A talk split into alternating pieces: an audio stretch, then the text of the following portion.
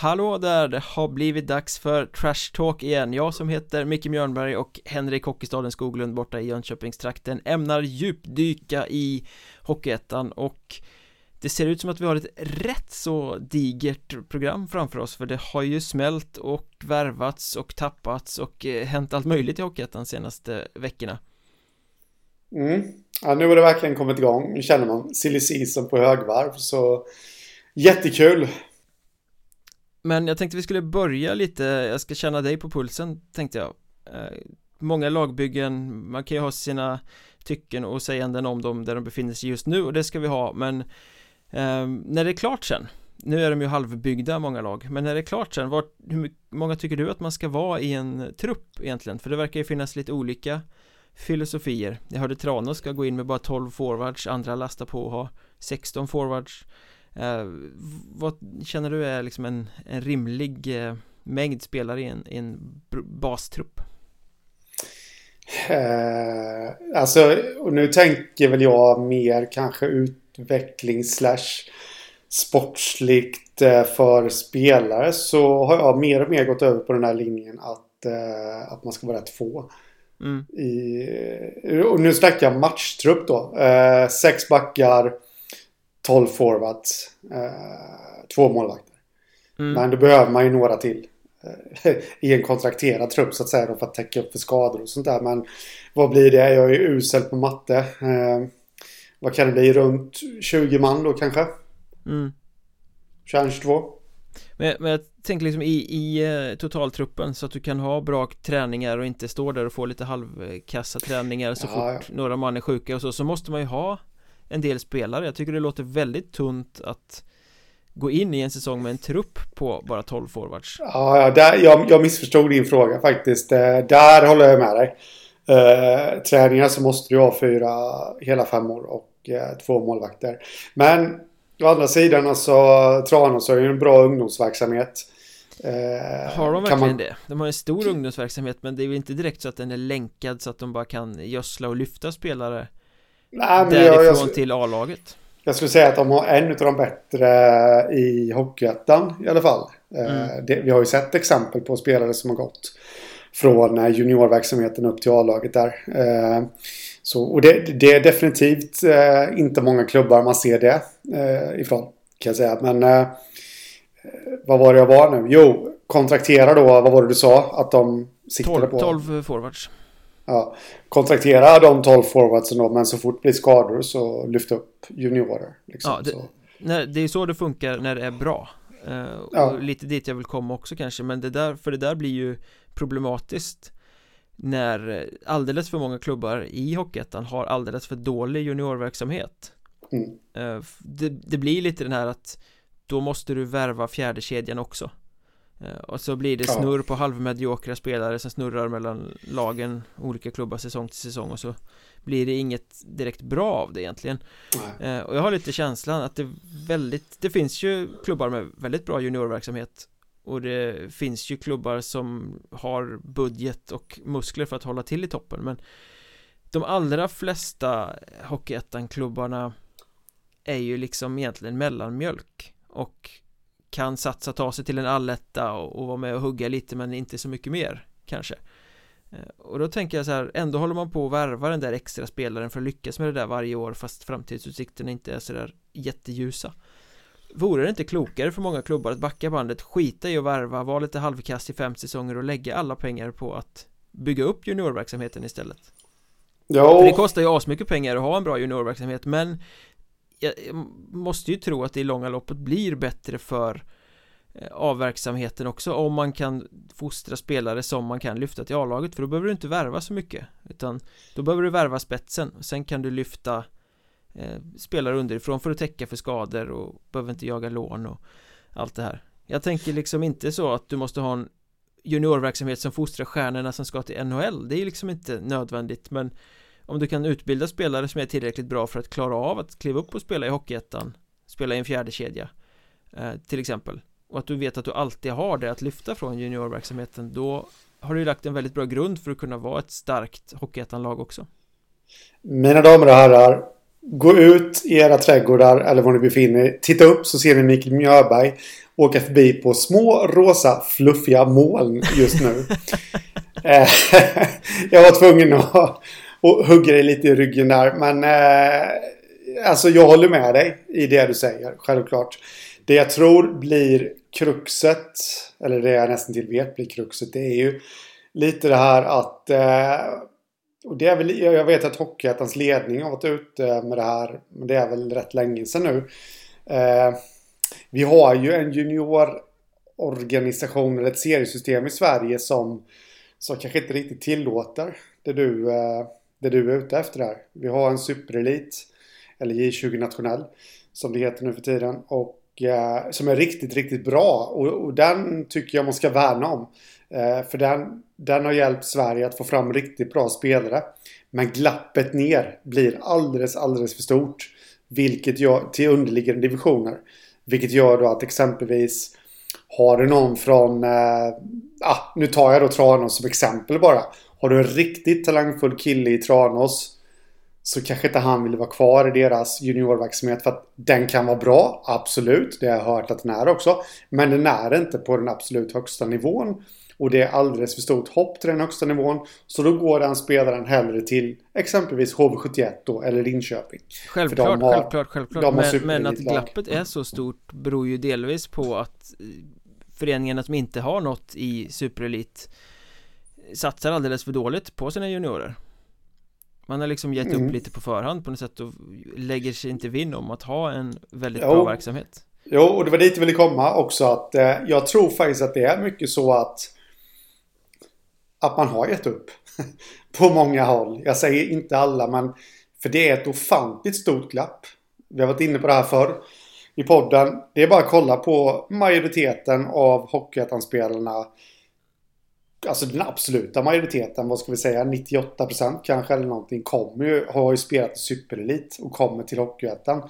Det är väldigt få som kommer ifrån underliggande ligan då som heter J20 Elite. Ja, utan att ha tagit äh, vägen via eh, Via Superelite eller någon annanstans. Ja, men det är ju de här äh, spelarna då som eh, väljer bort Superelit men kanske är så pass skickliga att de får vara med och testa med A-laget i, i ja. 16-17 års åldern. Precis. Och ta den Victor, vägen in i ettan istället. Ja. Victor Ejdsell är ju ett jättebra exempel på det. Nu spelar han aldrig i Hockeyettan men eh, väl division 2 och division 3. Tog den vägen. Max uh, Friberg är väl ett sånt också? Ja, ja precis. Det, det, det finns några där. Och, så, och det, och det, det är ju ett resultat över då att, eh, att det är sån stor skillnad. Och, och det märker ju klubbarna med. Därför tror jag faktiskt att man har gett upp lite. Sorgligt men sant. Och nu menar jag inte att det menar jag inte som något negativt. Jag vill inte ha någon skit för det här nu. Att jag säger det. Utan det är bara vad jag tror och eh, Eh, jag kan förstå om klubbar har gett upp också. Så även fast jag tycker älskar superelit så, så kanske man behöver se om, se, se över hur, hur det funkar här mm. i Sverige. Och eh, fram tills dess så får då alltså de här Hockeyettan-klubbarna fortsätta värva för fjärdekedjan eh, Ösa pengar på spets som hade kunnat göra sig bättre än någon annanstans och på sin höjd ta sig till allettan. Ja, ja. Men apropå unga spelare och sådär så eh, Arlanda, Wings De installerar David Lundmark som har varit eh, dels sportchef i föreningen och eh, involverad i eh, hockeygymnasiet och har väldigt god insyn i eh, ungdomarna kring föreningen. Han blir ny huvudtränare i Wings. Och här förstår jag att du går i taket och blir alldeles våt i byxorna. Roger Melin anställs som Senior Advisor. Detta eh, epitet som du har tjatat dig blå över det senaste ja. året. Ja, jag, jag kan inte tillföra så mycket nytt jämfört med vad jag redan har sagt. Jag tycker att det är jättebra av eh, Wings att de plockar in en sån kompetent herre som eh, Roger Melin. Som, eh, Började inte han träna karriären där på något sätt för många år sedan? Mm, Eller jag, tror det. Nej, jag tror inte att, att, jag drömt. Jag är inte helt säker. Han kommer ju från föregångaren där, RA73. Ja. Det är ju hans moderklubb. Men det är väl typ samma förening egentligen? Ja, ja. Eh, så att eh, lite tillbaka till rötterna för hans del då. Men det är... Ja, jag har ju sagt det förr. Man, ska ju värna om de här gamla som har varit med länge. Eh, även fast det är ingenting liksom, alltså det gäller inte bara Roger Melin, det gäller ju många.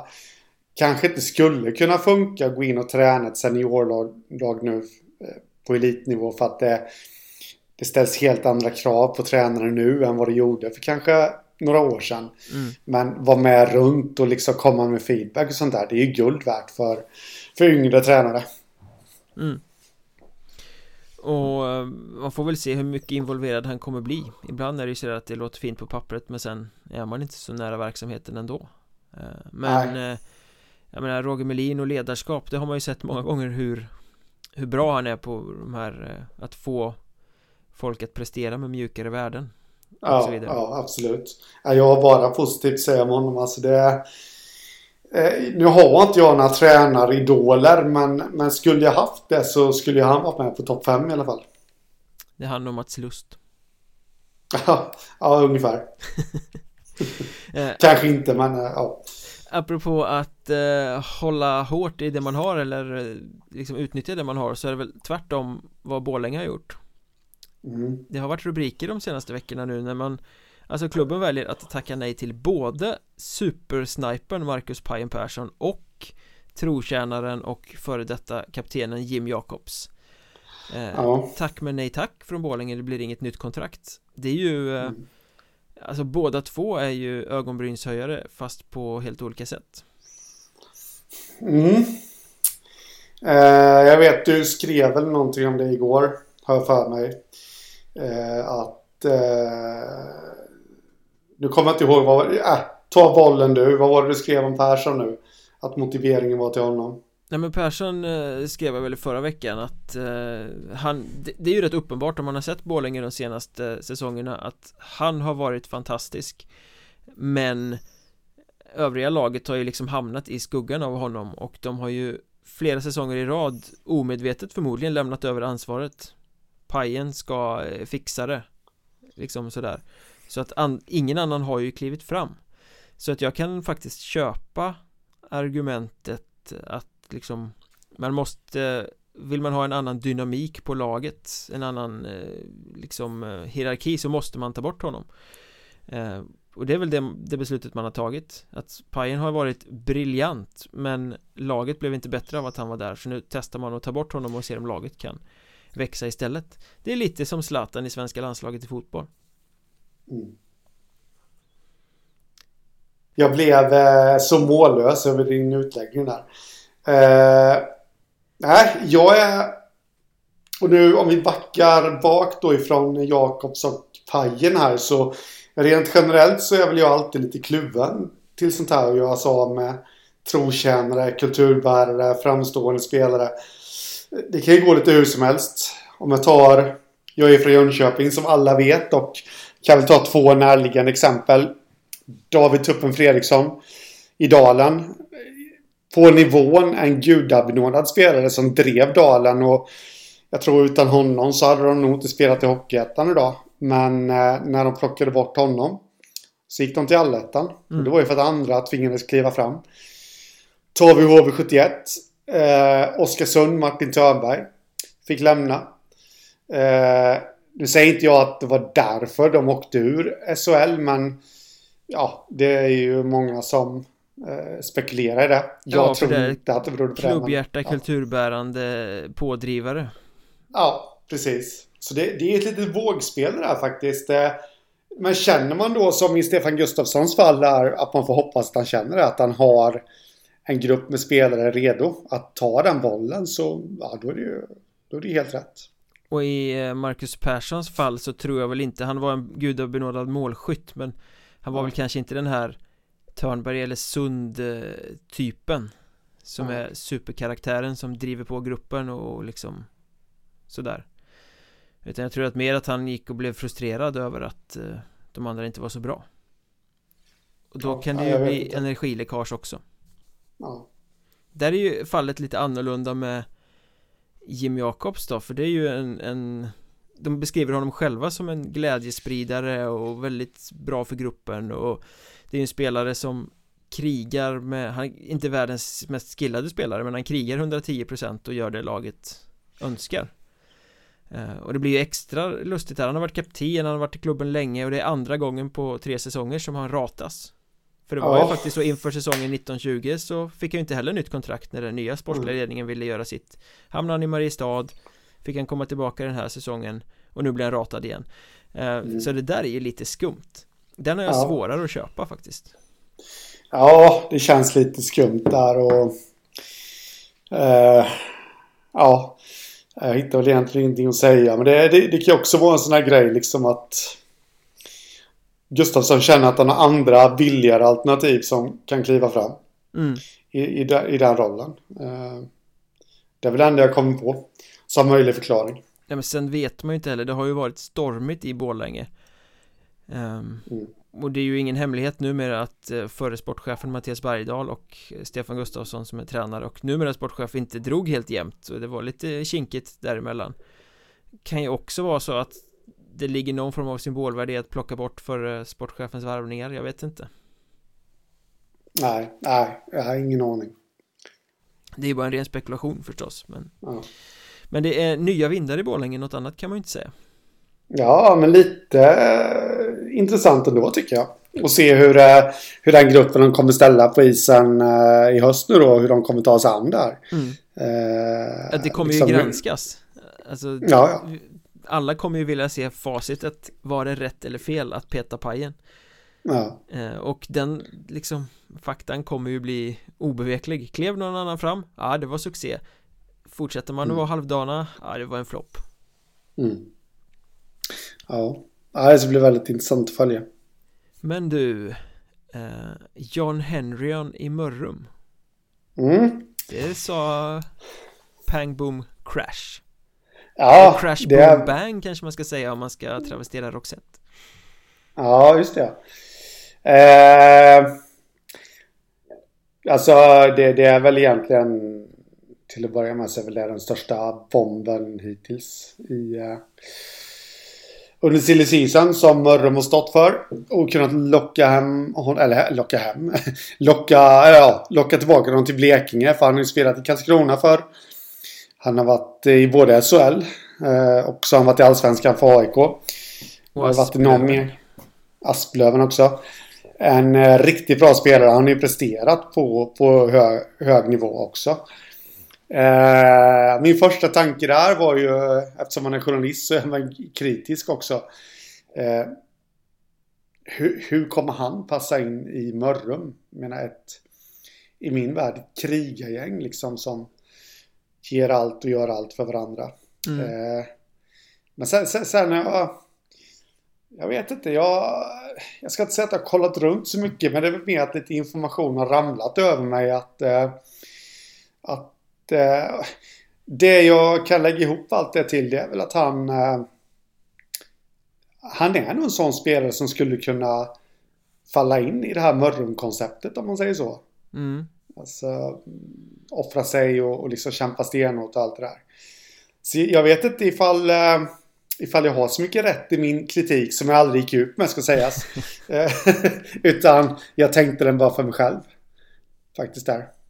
Ja, det, det, här är ju svårt för att alltså rent Det finns ju två sidor Det är en superhäftig värvning, en spelare som är alldeles för bra för att spela i Hockeyettan egentligen Han har väl frun från Karlshamn va? Så det är väl därför de ska flytta till Blekinge. Mm. Men samtidigt så Thomas Engman har ju börjat bygga någonting. På ett lag på något sätt. Det var en moralmaskin som reste sig och spelade för varandra när, de, när det behövdes som mest i vintras. Och det känns ju inte som Mörrums väg till att bli ett bättre lag är att satsa på fixstjärnor uh, Nej, å andra sidan har de ju redan en i Marcus Paulsson men Men det är ju en hemvävd fixstjärna Precis, precis. Uh, Och Samtidigt, John Henryon är en extremt bra avslutare. Mörrum hade superproblem med att göra mål i powerplay säsongen som gick. Det var mm. liksom verkligen en akilleshäl.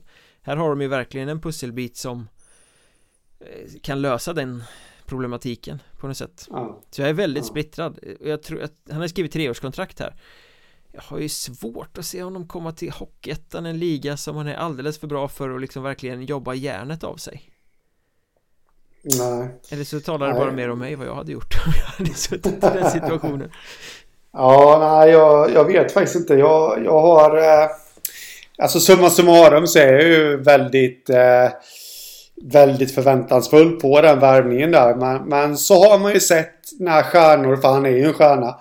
Man har ju verkligen. sett förr när, när stjärnor har kommit till Hockeyettan då att det eh, ja, inte alltid slår så väl ut. Och, och så här, men jag, jag vet inte, jag, jag får bara en bra feeling kring den här värvningen ändå. Att, eh, eh, dels då att man, man hör och ser att han inte är en, inom citattecken nu då, stjärna. Alltså en sån stjärna som inte gör jobbet. Utan att han är, att han är en stjärna som gör jobbet. Och sen tror jag att eh, en sån tränare som Engman är helt rätt liksom. För, eh, för att kunna hantera stjärnor också. Mm. Samtidigt tittar man på hans karriär. Jag menar, han har varit i, i tyska andra ligan och i tyska högsta ligan och i hockeyallsvenskan och han har öst in poäng. Men har ändå minusstatistik nästan varenda säsong. Mm. Det kan ju bero på lite olika saker också. Jag har inte riktigt koll på. Jag vet Karlskrona låg väl i botten. Då var han i SHL, där. så där är han ju ursäktad för där räckte han ju inte mm. riktigt till. Och eh, AIK var väl också i botten i Allsvenskan när han var där, hör jag för mig. Asplöven lika så.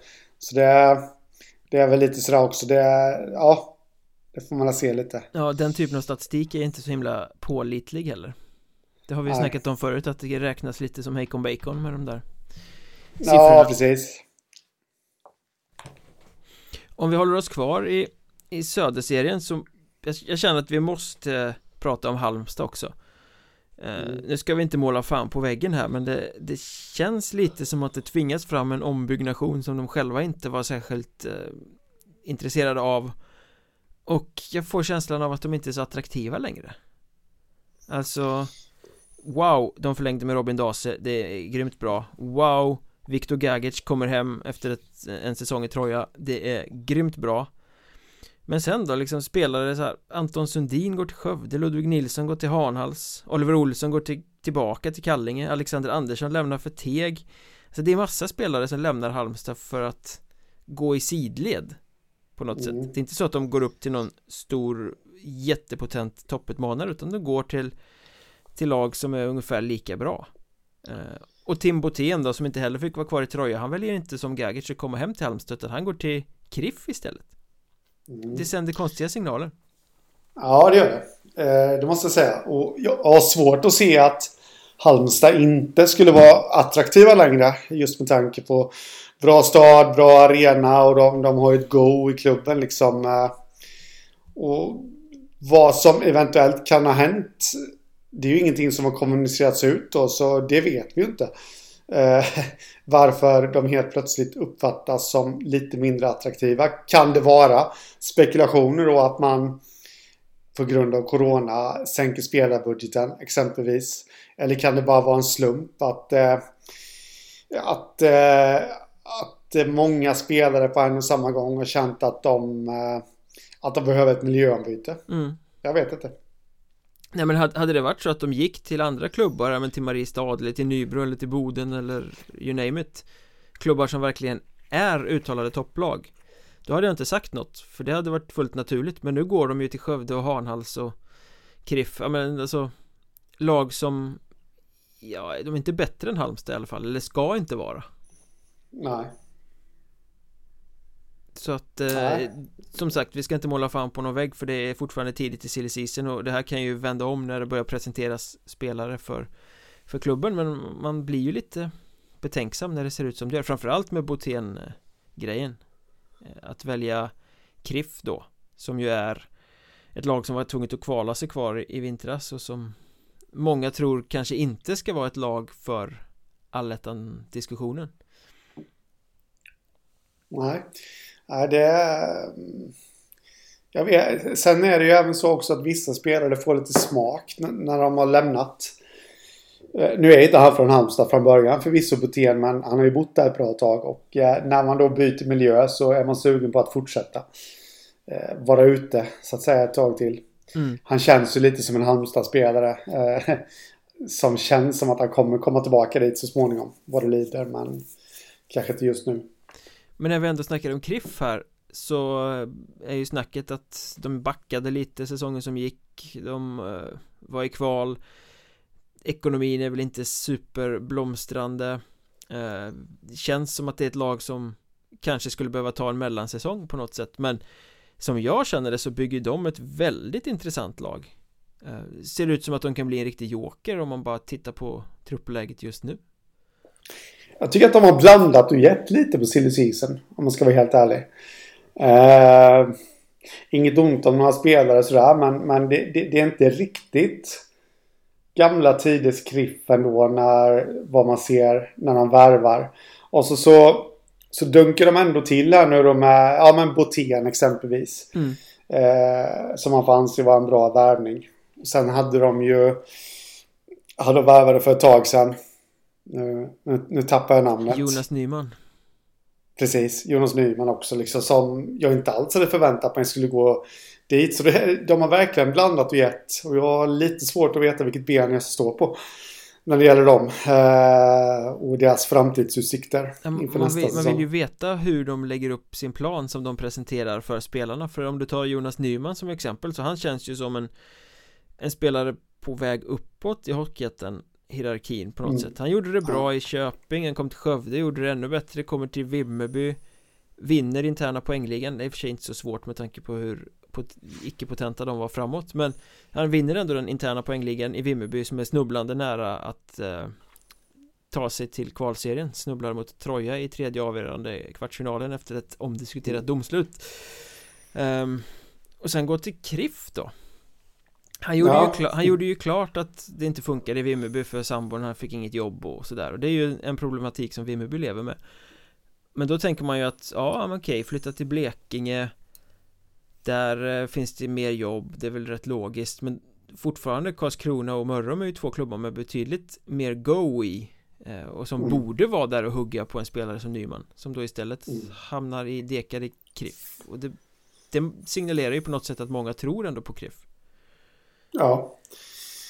Eh, det gör det. Sen eh, det, det, finns ju olika bevekelsegrunder också liksom för att värva en spelare. Eh, liksom, ja men vi kommer bygga ett lag som som vi siktar på kommer växa under säsongen och du kommer vara vår stora stjärna. Här, skriv på. Mm. Liksom.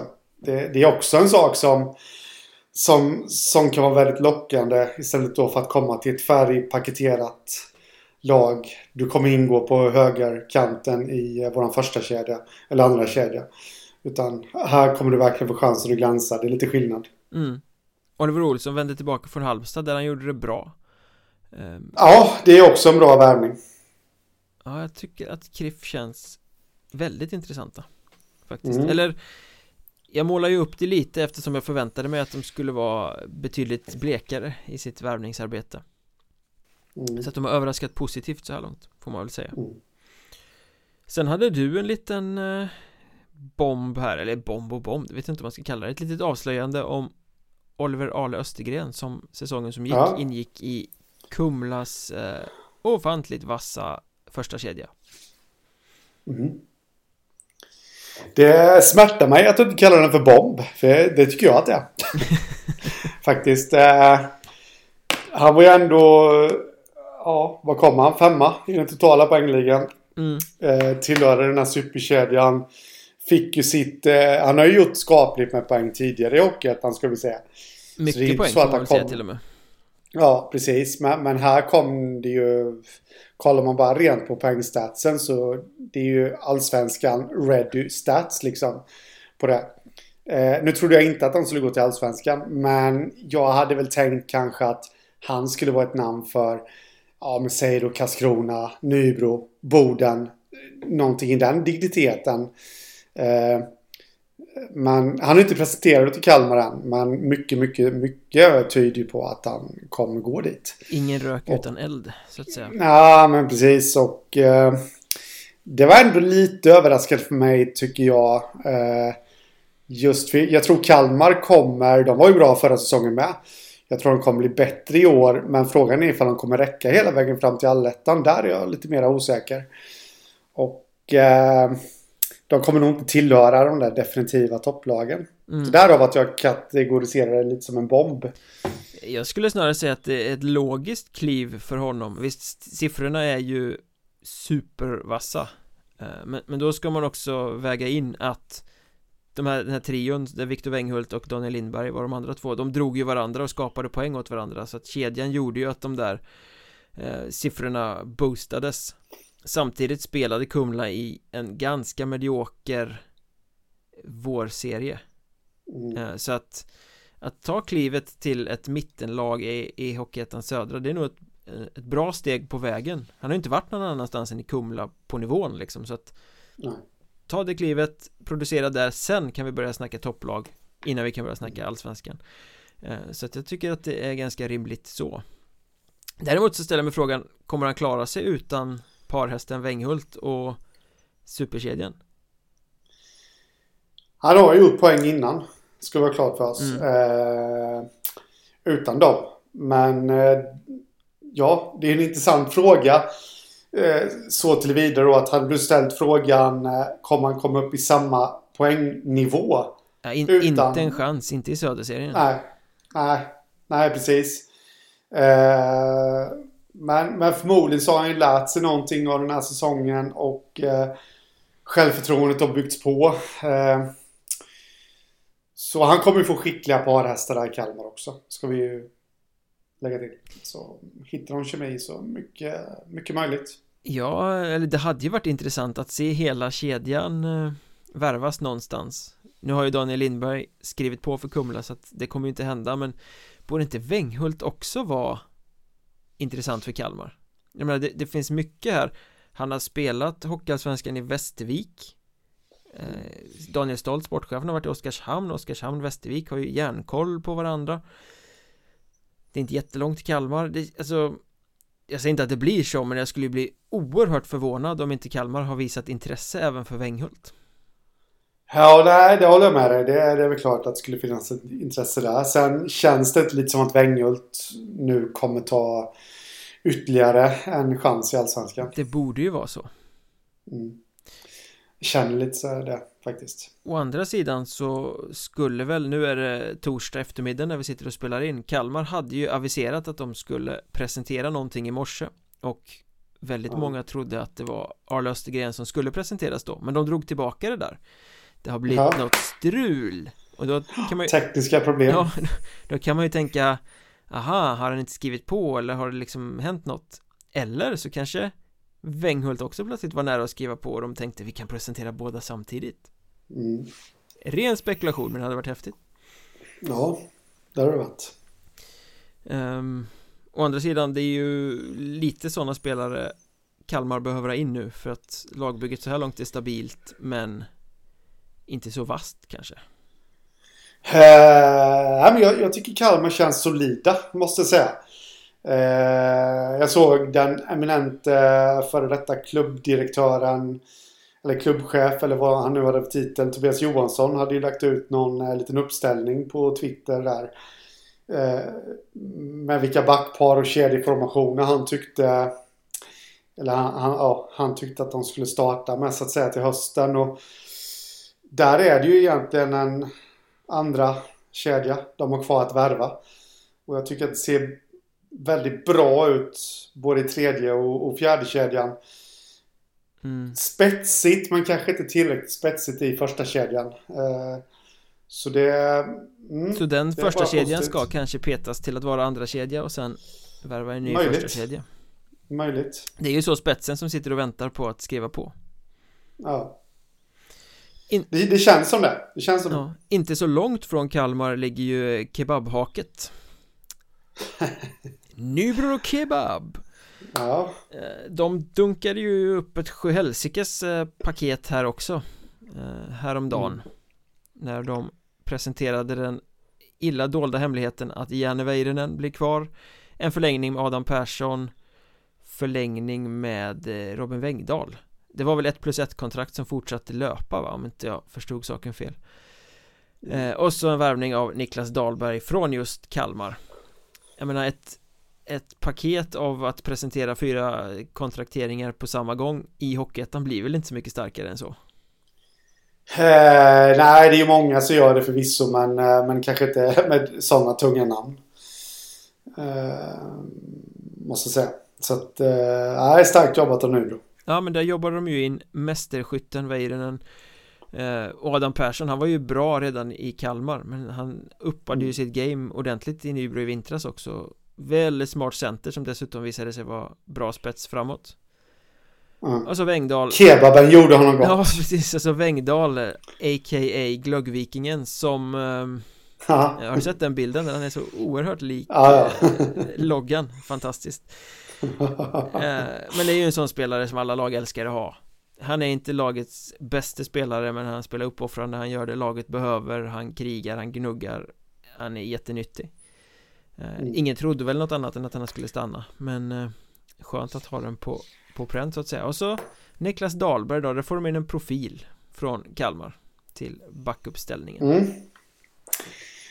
Tycker även att eh, alltså Dahlberg är ju ingen sån som sticker ut eh, Det känns generellt bara som en eh, alltså bra djupvärvning som höjer djupet lite mm. i Nybro. Mm, det kan jag hålla med om. Eller gör bredden starkare, ska man säga. Eh, kommer ju liksom inte spela i första backpar eller något på det viset. Men, men liksom, ja, kommer göra bredden spetsigare helt enkelt i Nybro. Och, eh, känns spontant som en drömvärvning för Micke Tisell defensiv specialist som han är. han var ju glad på Twitter också att det ska bli så himla skönt att komma till Liljas arena och spela för fansen och allt vad det var Sånt ja. gillar man ju för att i och med att han kommer från Kalmar så häller ju det bränsle på den här elden som vi älskar när den brinner Ja, ja precis den, stora frågan kring Nybro är ju Vilka i fjolårstruppen vill man inte ha kvar? Ja, För någonstans är det ju så, ja. man vill till Hockeyallsvenskan, det är jättetydligt, man ska höja spelarbudgeten eh, Det syns ju tydligt på att Janne Väyrynen stannar också såklart eh, men ska man höja sin nivå, för man nådde ju inte hela vägen fram Då måste man ju mm. byta ut pjäser Nu har Otto Henell gått till eh, Kriff va, var det väl Men ja. Någonstans måste man ju också förändra. Ja, precis. Och det är väl bara nyttigt också kanske att förändra eh, På några namn i alla fall eh, Mellan säsonger så att det blir lite nytändning och lite nytt blod in och sådär. Eh, Men det man Alltså Ofta så tänker man ju som så här att man eh, att man höjer kvaliteten rent spelmässigt. Mm.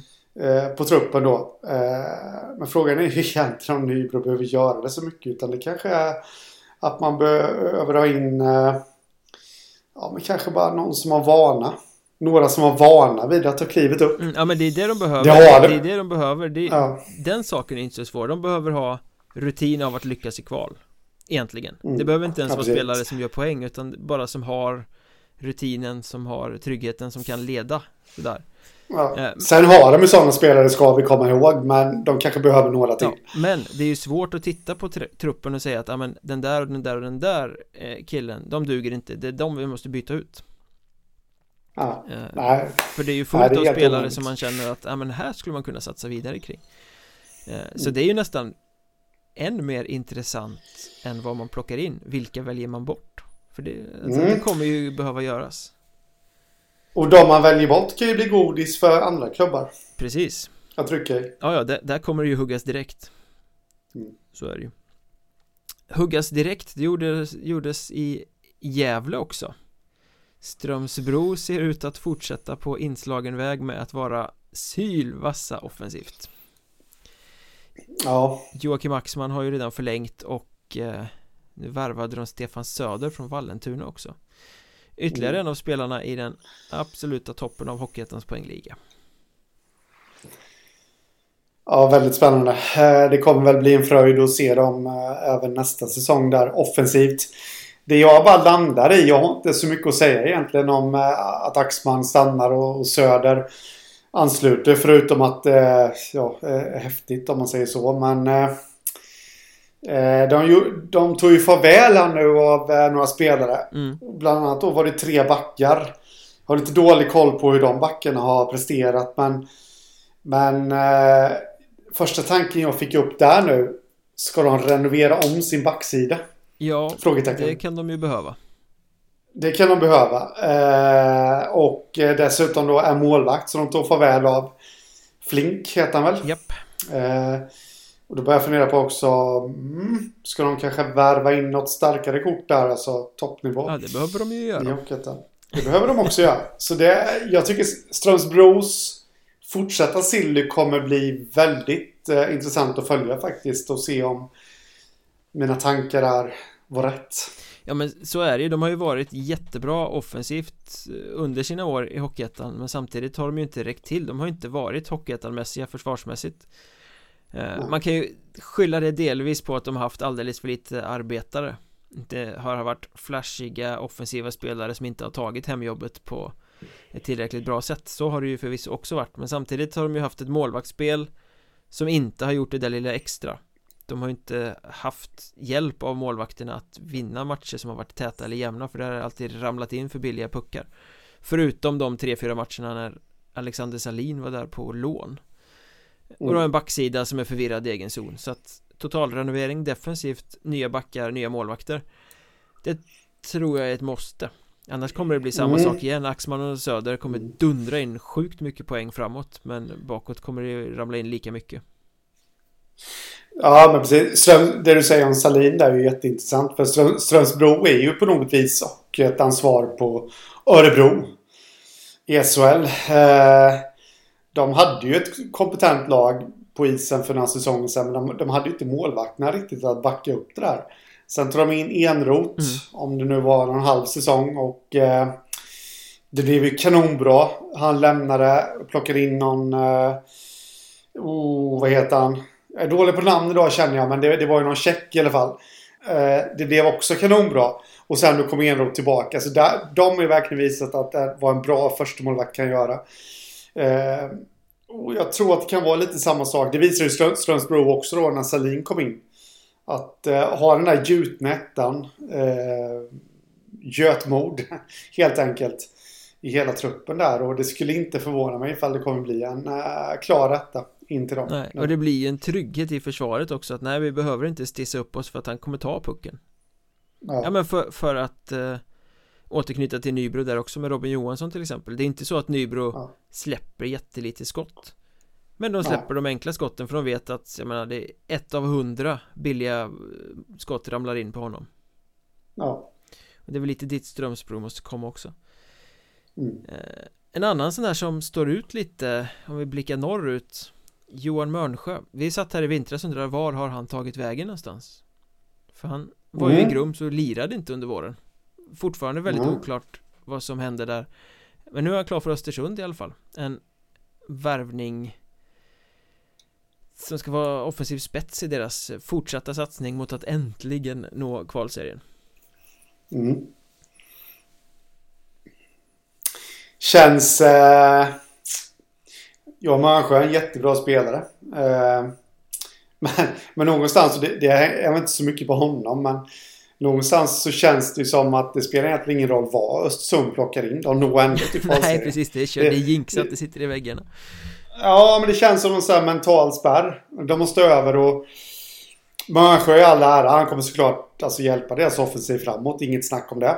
Men eh, det kanske är så att de måste kolla lite. Tagesson heter sportchefen där uppe. Och eh, Per Tagesson kanske måste kolla lite på, som i Nybros fall där då, de behövde lite rutin från att ta sig upp. Tagesson kanske behöver plocka in rutin från kvalserien. Eller att ta sig till kvalserien. Mm. Uh, att uh, krydda laget Å andra sidan hade de uh, ju det... massa spelare med allsvenska meriter i år Med Rotbacken och Emmerdal uh. och Sandström och... Mm. Ja, det, men det, det behövs spelare som hjälper dem att ta klivet eh, över den här mentala spärren. Med det sagt då så absolut inget fel på värvningen av Johan Mörnsjö. Det är en jättebra värvning. Det, vill jag bara slå fast så att ingen missförstår. Det blir ju jätteintressant för han hade ju sitt supergenombrott på Hockeyettan-nivå med Nyköping och bara bländande. Han har ju teknik och han har ju speed och, och liten och irrationell. Jättekul spelare att titta på och han öste en poäng för Nyköping. Sen blev det som det blev i Grums i år eh, och nu ska han då till Östersund och det är väl kul att han kommer till en toppklubb.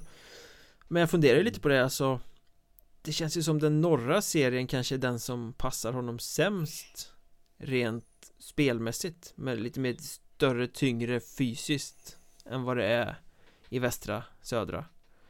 Eh, att hans lilla, lilla kvicka kanske inte skulle passa så bra där. Å andra sidan så ska jag säga emot mig själv för att jag menar Anton Tano har ju haft en rätt skaplig karriär med Kiruna, Teg och Boden ja. där uppe och han är ju också liten och kvick Funkar mm. hur bra som helst Och mm. minns du Daniel Ehrlich?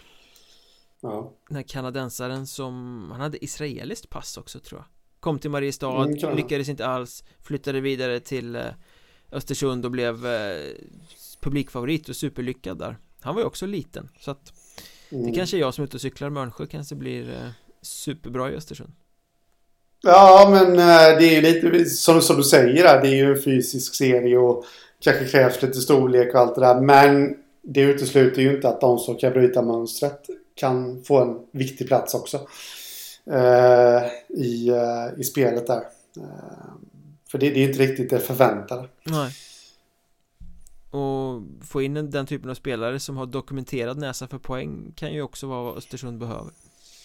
Ja. Håller vi oss kvar i den norra serien där uppe så den mest spektakulära tränarkontrakteringen så här långt måste ju vara Kiruna AF Kanske inte om man mm. tänker klass på tränare men på eh, brokigt CV på tränare. Ja. Juhani Mattikainen, 30-årig finländare, tar över. Precis.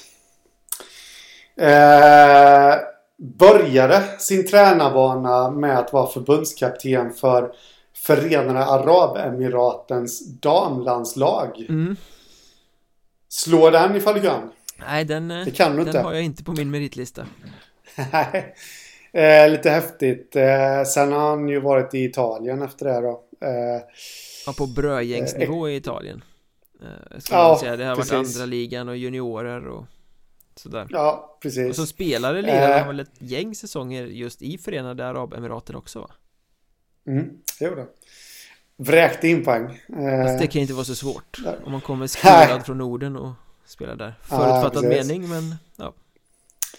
Ja, jag kollade, han har spelat i Nässjö HC i division 2 i Sverige också. Där var väl inte poängstatsen lika imponerande. Så att, eh, men nu är det som tränare vi ska bedöma honom och det är ju totalt omöjligt. Fullständigt omöjligt. bedöm, bedöm. Så, men eh, det jag fastnade lite vid det var ju att han har en eh, pappa som jag tror det eller ej, men jag har glömt namnet på pappan här nu. Matti Kainen Men han heter Ma Ja, han heter Matti Kainen i efternamn i alla fall. Det kan vi slå fast. Och eh, som har en eh, väldigt gedigen tränarkarriär eh, inom det finska landslaget bland annat. Både på juniorsidan och eh, seniorsidan. Vunnit, varit med och vunnit VM-guld. Eh, trädat klubblag. Till och med vunnit eh, finska mästerskap om jag inte minns helt fel.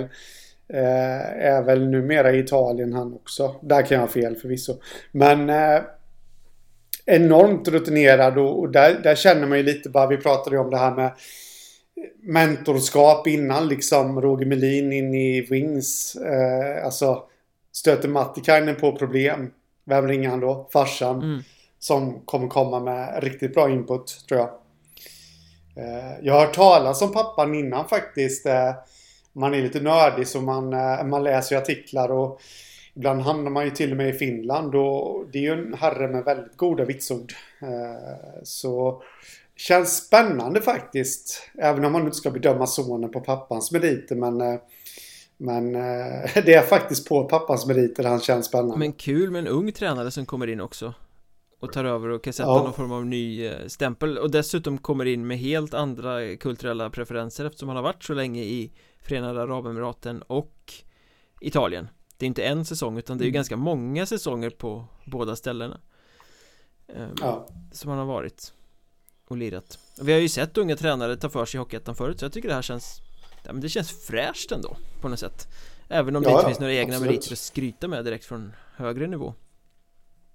Nej. Apropå finnar så vill jag bara knyta ihop här med en, en liten spaning. Eh, Det är ju faktiskt ganska lustigt att Visby hade tre väldigt eh, framträdande finnar säsongen som gick. Sami Tamminen har ritat på i eh, Polen Högsta ligan där. Sen så gick ju Niko Mikkola till KHL till Jokerit pratade vi om förra veckan.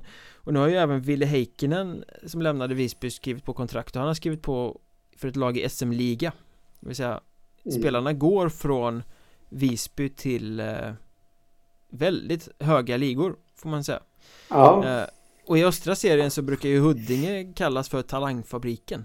Den liksom, det är mm. talangfabriken. Huddinge har skickat sina spelare till Segeltorp Så eh, ska vi ja. kanske utlysa att det är Visby som är den nya talangfabriken i eh, den östra serien? Ja, eller så kanske de bara har uh, jättebra kontakter i Finland. Det kan vara så. Som gjorde, att de, som gjorde att de kunde lägga beslag på de här spelarna. Förmodligen, alltså de här klubbarna som har värvat dem hade ju troligtvis koll på dem sen innan. Ja. Det är ju inte insatserna i Visby som har som liksom har gjort att de har fått de här kontrakten Självklart. Utan, inte. det, var, det var Visby som, där fick de chansen att hålla igång liksom. Och förlåt Red Tigers men ni förstår att jag skojar Ja, ja, man, ja precis. Det, Red Tigers brukar, de brukar ha förståelse för det. De brukar kunna ta saker och ting med en klackspark. Det är inte alla som kan göra det Nej, det är ju inte det. Och vi ska fortsätta nu på Patreon där eh, ni som vill stödja podden så att vi kan göra den så bra som möjligt komma ut så ofta som möjligt. Eh, och tycker att det kan vara trevligt att, att stödja oss helt enkelt. Ni kan göra det på Patreon.com Sök efter Mjölnbergs Trash Talk Så kan ni bistå med några dollar i månaden. Och gör man det så får man ju också Bonusmaterial. Vi släpper en bonuspodd till varje ordinarie poddavsnitt Och Där ska vi idag gry, Grypa Gräva djupare ner i ämnet Fake-konton, troll eh, Sociala medier. Och eh, samtalet på sociala medier har ju blivit kanske lite mer hetskt. Har det hårdnat även kring eh, Hockeyettan vi tänkte fundera lite om det där på Patreon och snacka fejkkonton och eh, klubbrepresentanter och eh, vad man egentligen tycker Hur ska det gå till på sociala medier när det gäller sånt egentligen? Kan bli intressant Ja, absolut. Häng med! Som Aschberg sa. Och följ oss i sociala medier. Jag heter att Mjornberg Henrik heter att Hockeystaden. Poddens Twitterkonto är att Mjornbergpodd Finns även på Instagram och Facebook och på sajterna mjornberg.se Hockeystaden.se Där finns alla festliga nyheter ni behöver kring Hockeyettan. Nu drar vi till eh, Patreon istället. Vi hörs! Det gör vi! Tja!